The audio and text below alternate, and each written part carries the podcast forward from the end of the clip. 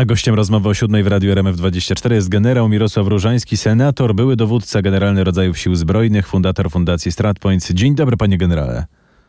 Dzień dobry panie redaktorze, dzień dobry państwu. Litwa, Łotwa i Estonia szykują się na wojnę z Rosją. Słusznie? No, powinniśmy być przez cały czas e, gotowi na to, jakie zagrożenie niesie Rosja. Pamiętajmy, że po szczycie NATO w Madrycie jednoznacznie zostało wskazane, że Rosja jest krajem, który stanowi zagrożenie w naszym regionie, a ostatnie dwa lata wskazują, że Rosja chce dyktować warunki nawet związane z, jeżeli chodzi o przebieg granic w sposób e, taki kinetyczny, czyli przez otwartą wojnę. Więc tak, my, kraje graniczne z Rosją, musimy być gotowi na sytuację najbardziej nawet nieprzewidywalną. No w ostatnich miesiącach jeszcze ta temperatura, mam wrażenie, wzrosła po ujawnieniu jakichś takich tajnych informacji. Natomiast informacje na razie są takie, że powstanie bałtycka linia obrony. E, I czytam, że kraje bałtyckie zbudują ponad tysiąc bunkrów e, na swoich granicach z Rosją i Białorusią na wypadek właśnie ataku Rosji.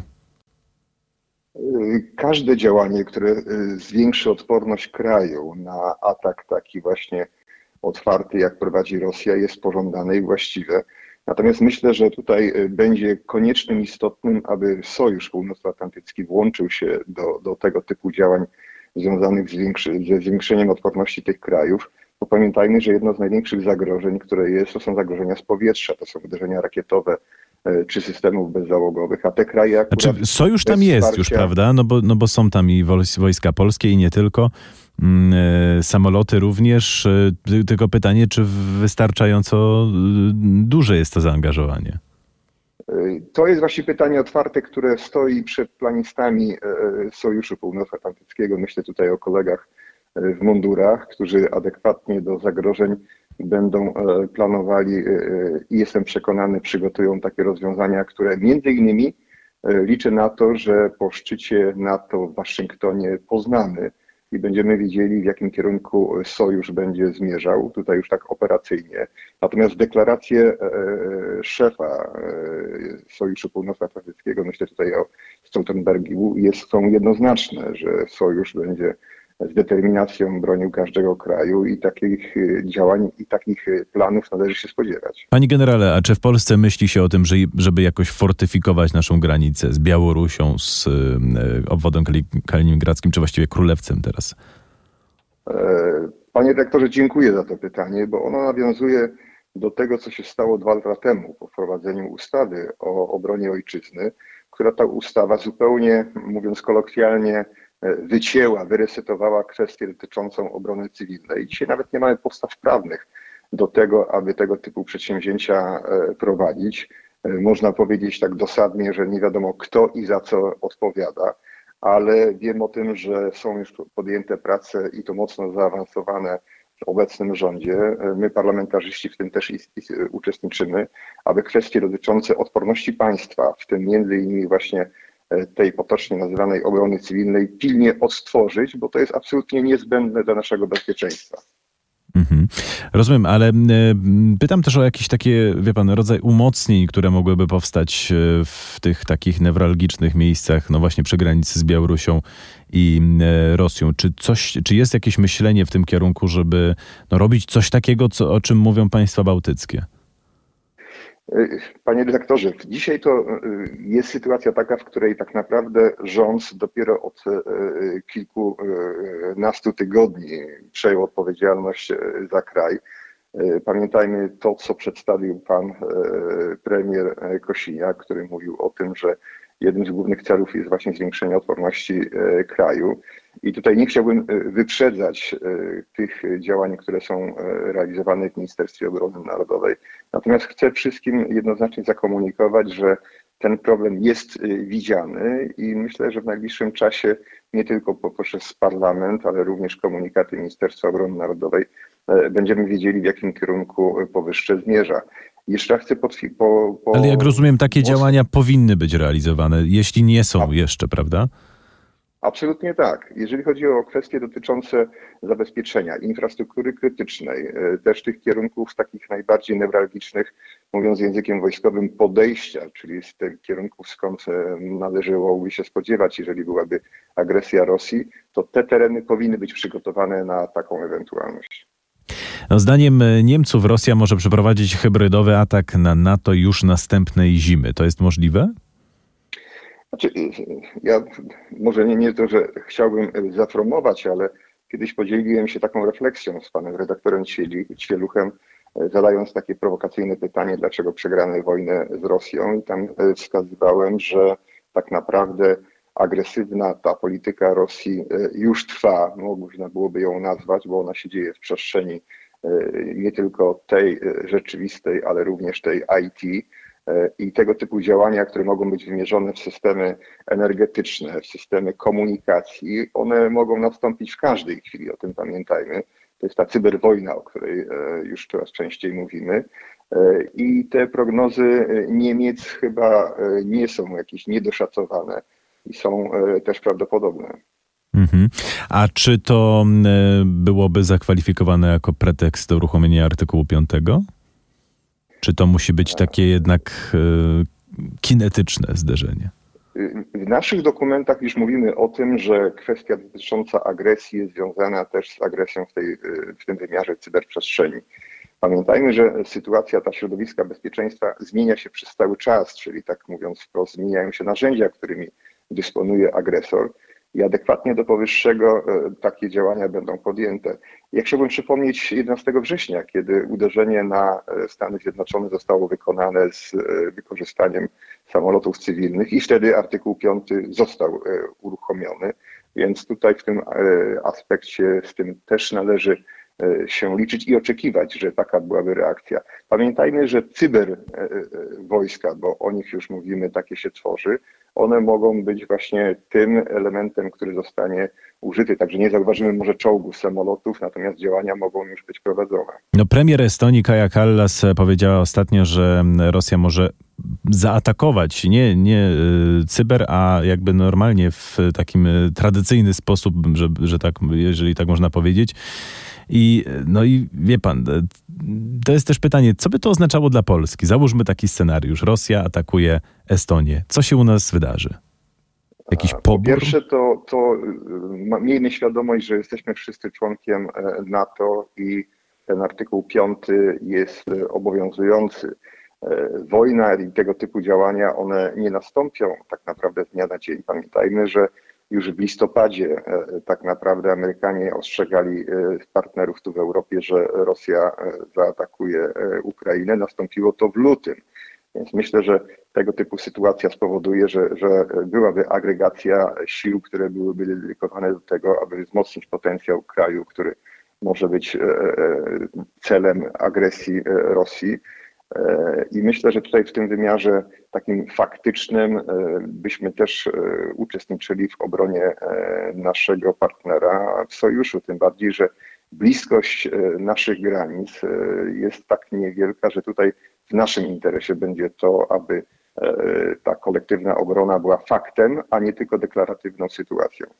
Panie generale, skoro mów, no, tak otwarcie mówimy o tym zagrożeniu i to już y, nie za 10-15 lat, tylko padają e, liczby 3, 2 lata albo następna zima, to dlaczego nie ma decyzji politycznej o wysłaniu ludzi na jakieś podstawowe szkolenie wojskowe? Czy to po prostu nie ma sensu? Musiałoby to trwać i trwać. E, panie redaktorze, myślę, że to jest jednak kwestia e, pewnego takiego zaniechania, które miało miejsce od dłuższego czasu, jestem o tym e, przekonany, że to szkolenie związane z tym, aby e, budować świadomość, bo, bo myślę, że to nie jest kwestia tylko tego, żeby wysłać ludzi i nauczyć ich trzymać karabin, tak jak to się działo przez ostatnie kilka lat, tylko budowanie świadomości, co należy zrobić w sytuacji zagrożenia w domu, w mieszkaniu, w mieście, na, na, na wiosce, tego, tego e, brakowało. E, niektóre z e, organizacji pozarządowych prowadziły takie szkolenia, między innymi moja fundacja, ale to powinna być taka polityka powszechna stosowana przez rząd i obligatoryjna w całym kraju. No tak, panie generale, a to powiedzmy są jakieś decyzje, które tutaj zaprzepaściły kilka lat czy, czy kilkanaście, ale co możemy zrobić teraz, kiedy wróg bram?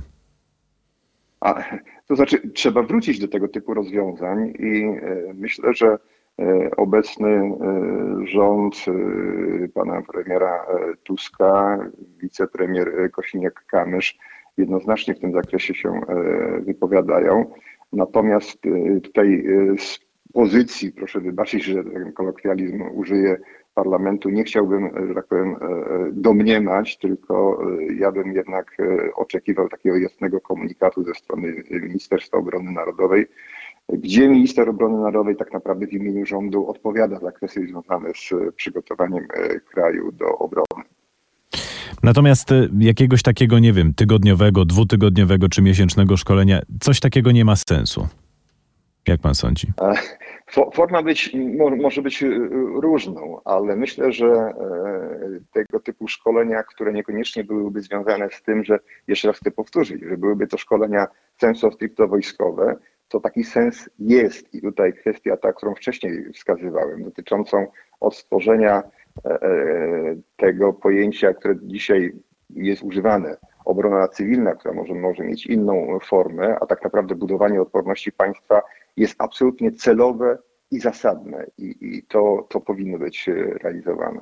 Panie generale, a wracając jeszcze do Rosji, czy uważa pan, że mogą zaatakować, gdy cały czas mocują się jeszcze na Ukrainie? E, ja tutaj jestem e, powściągliwy w ocenie takiej, że e, Rosja mogłaby zaatakować mhm. sojusz z dwóch powodów. Po pierwsze, jeżeli weźmiemy pod uwagę tak naprawdę potencjał, jakim dysponuje Rosja, a jakim dysponują kraje Sojuszu Północnoatlantyckiego, to tutaj no, ta, ta przewaga sojuszu jest miażdżąca. I Putin e, myślę, że potrafi kalkulować, bo uruchomienie e, NATO, w tym między innymi Stanów Zjednoczonych, jest e, po prostu dla niego sytuacją, gdzie to nie jest tylko Ukraina, tylko potencjał militarny dużo, dużo większy.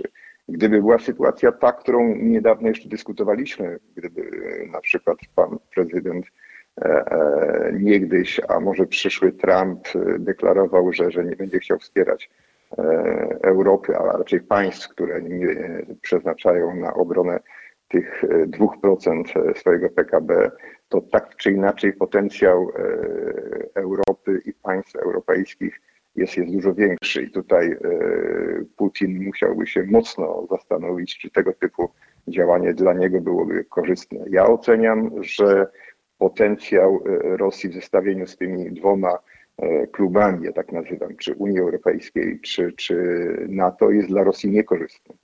No ale Rosja już e, przestawiła gospodarkę na tryb wojenny. Może my również powinniśmy o tym myśleć?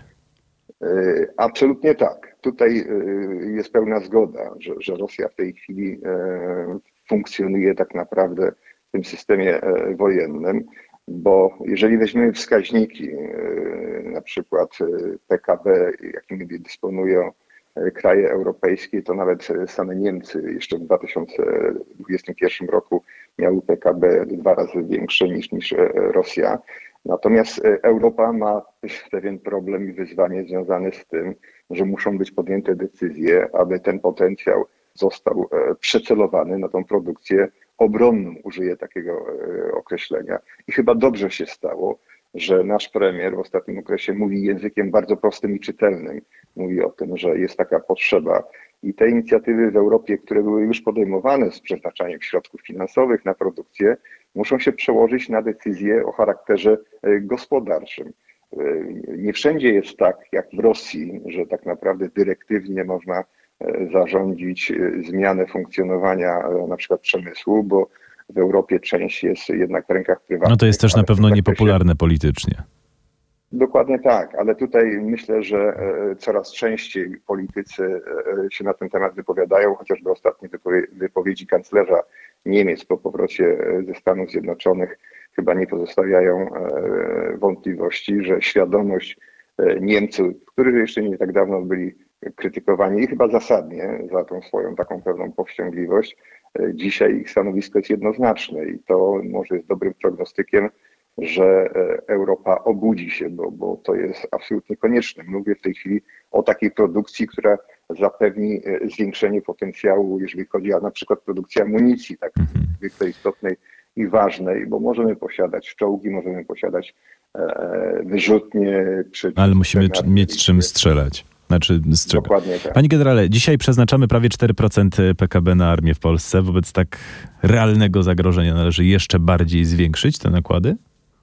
E, ja bym był tutaj ostrożny w tym zakresie i, i bym raczej apelował o takie rozsądne i racjonalne wykorzystanie tych środków. Pamiętajmy, że budowanie e, potencjału między innymi i odporności państwa polega nie tylko i wyłącznie na posiadaniu systemów uzbrojenia, ale, ale musimy mieć e, sprawny system e, finansowy, musimy mieć sprawne systemy energetyczne, musimy mieć dobrze funkcjonującą ochronę i, i służbę zdrowia i na to pieniądze są też potrzebne. Także dzisiaj dobrze zarządzajmy tym potencjałem i środkami, które są przewidziane, bo to, co jest e, w budżecie, plus e, to, co jest e, w tym elemencie związanym, gdzie jest ten fundusz wsparcia sił zbrojnych, to jest blisko 140 miliardów. Więc myślę, że to są środki, które na tym etapie dobrze zarządzane będą wzmacniały potencjał państwa i możliwości operacyjne wojska. Panie generale, a patrząc na samą armię, na samą kwestię wojskową, który obszar wymaga jakiegoś takiego największego finansowania, największego wzmocnienia? Może przejdźmy po kolei. Lotnictwo tutaj jest ok? Czy potrzeba na przykład kolejnych F-35? Ja, ja, troszeczkę inaczej to widzę, e, jeżeli pan pozwoli. Dla mnie najważniejszym i priorytetem powinno być budowanie E, systemu obrony powietrznej. System obrony powietrznej to jest lotnictwo, między innymi lotnictwo myśliwskie i systemy e, rakietowe. My mamy program, który e, jest związany z budowaniem tej wielowarstwowej, wielowarstwowego systemu obrony powietrznej, czyli Patrioty i, i, i te niższe, tak powiem, poziomy, czyli Narew i, i Pilica. I to w moim przekonaniu powinno być priorytetem E, i na tym powinniśmy się. A o jakiej e, perspektywie czasowej mówimy? Kiedy, że tak powiem, będziemy mogli powiedzieć, że już te wszystkie warstwy są stworzone? O, myślę, że tutaj e, muszę być takim realistą i aby pełny system zafunkcjonował, to myślę, że przed nami jest to dekada. Jeżeli to zestawimy teraz z tymi prognozami, bo pewnie by pan się zapytał, że Rosja mhm. w ciągu powiedzmy dwóch, trzech lat może tutaj nam zagrozić, to tutaj y, wymagana jest chyba aktywność taka ponadprzeciętna naszej dyplomacji, tak aby do czasu osiągnięcia tej pełnej zdolności, jeżeli chodzi o obronę powietrzną, powinniśmy zabiegać o to, aby na terenie Polski były rozmieszczone systemy obrony powietrznej y, państw natowskich. Już to się dzieje, ale, ale to powinno być permanentne i powinniśmy sobie zabezpieczyć taki, mówiąc wprost, parasol który nas zabezpieczyłby przy, przed Iskanderami, przed kalibrami czy e, rakietami takimi jak te, które spadały w okolicy Bydgoszczy. Mhm. Panie generale, e, idźmy dalej. Czołgi, no za chwilę będą e, Abramsy, właściwie komplet Abramsów, są Leopardy, pewnie jakieś jeszcze twarde się znajdą. Są już jakieś pierwsze czołgi koreańskie. No i właśnie, czy ten kierunek będzie realizowany? No, y, powiem tak, tutaj niestety, ale, ale chyba y, specjaliści nawet y, mają zdanie podzielone na ten temat. Ja niedawno rozmawiałem z byłym dowódcą wojsk amerykańskich w Europie, generałem Hodgesem, i sami się zastanawialiśmy, przed jakim wyzwaniem nas postawiła poprzednia ekipa rządząca, która spowodowała, że, że w Polsce będziemy mieli trzy, a nawet cztery typy czołgów. Oczywiście to jest logistycznie też problematyczne, tak? Dokładnie tak, więc to będzie e, wyzwanie. Ja jestem e, po e, takich wizytach w sztabie generalnym i w dowództwie generalnym rodzaju sił zbrojnych, ale tą wiedzę, którą posiadłem, to ona się, że tak powiem, nadaje na rozmowę na przykład Senackiej czy Sejmowej Komisji Obrony Narodowej, ale o charakterze niejawnym. Ale ta mm, ilość czołgów na pewno jest imponująca i ona robi wrażenie. Tysiąc sztuk chyba miało być z Korei, jeśli dobrze pamiętam. Tak, tak, zachodzi jeszcze, jeżeli do tego dołożymy takie deklaracje pana Błaszczaka, który mówi o tym, że w ciągu dwóch lat będziemy najsilniejszą armią lądową, to, to tutaj chciałbym wszystkim powiedzieć, żeby mocno zrewidować te deklaracje pana Błaszczaka, bo, bo nawet jeżeli byśmy mieli sformowany batalion czołgów, to jego wyszkolenie takie do, do pełnej gotowości operacyjnej to jest półtora roku, więc myślę, że tutaj powinniśmy bardziej realnie patrzeć na, na, na powyższe, ale ta ilość tego, tego sprzętu pancernego na pewno e, jest tą, która będzie nas w wymiarze tym lądowym zabezpieczała, ale będzie to stwarzało właśnie to wyzwanie logistyczne, z którym trzeba się będzie zmierzyć. Mhm. A Hajmarsy w liczbie 500 sztuk to też jest bujanie w obokach? No, panie redaktorze, powiem w ten sposób. Albo ktoś nie potrafił liczyć. Myślę tutaj o kosztach amunicji, która jest niezbędna do, do tego typu systemu. Według kalkulacji e, e, moich ekspertów, jeżeli byśmy posiadali około 120-140 wyrzutni, to by zabezpieczyło nasze jednostki artyleryjskie i stworzyły potencjał który byłby e, wystarczający. Natomiast pozostałe środki, które dzisiaj ewentualnie przeznaczane są na zakup, to przeznaczyłbym na zakup amunicji, bo posiadanie takiej e, liczby HIMARSów, a nieposiadanie e, środków na zakup, no, taki, taka jedna ra, rakieta ATAX kosztuje ponad milion dolarów, więc sobie zdajemy sprawę z tego, że sama wyrzutnia nie stanowi o, o bezpieczeństwie, a raczej e, środki zgromadzone, czyli e, rakiety, jakimi będziemy dysponowali. To jest mocno przeszacowana ta, ta, ta, ta liczba. A pani generale, co, co, potrzebujemy z Francji czy Niemiec? Bo zdaje się, że nowa władza również te kierunki dopuszcza w kwestii uzbrajania polskiej armii, no czego nie było za rządów Zjednoczonej Prawicy. Znaczy, jest kwestia oczywiście, jaki będzie kierunek związany z tym, że, że część jednak wojsk lądowych y, jest wyposażona y, w czołgi y, niemieckie i nawet w zakresie ich utrzymania czy modernizacji konieczną niezbędną będzie współpraca z Niemcami w tym zakresie. Pamiętajmy, że, że Francja jest też krajem, który posiada broń jądrową. Więc nawiązanie bliskiego partnerstwa z takim krajem to jest w naszym absolutnie interesie, chociażby właśnie znowu w tym aspekcie, co niedawno deklarował e, Trump.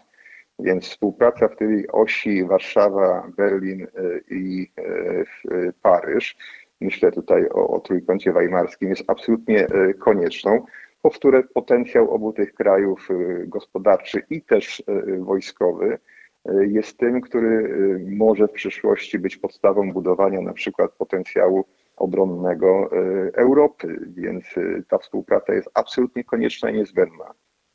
Panie generale, to już na koniec, bo czas nas niesamowicie goni.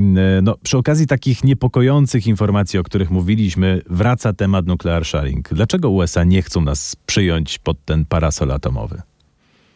A to, to tutaj nie wiem, dlaczego pan taką tezę chce e, przedstawić, bo jeżeli byśmy mówili o kwestii dotyczącą do e, tego, czy rozmieścić na terenie naszego kraju na przykład e, też broń nuklearną, no to najpierw musielibyśmy być do tego przygotowani, czyli posiadać, krótko mówiąc, nosiciele takiej broni i systemy, które by zapewniły przechowywanie.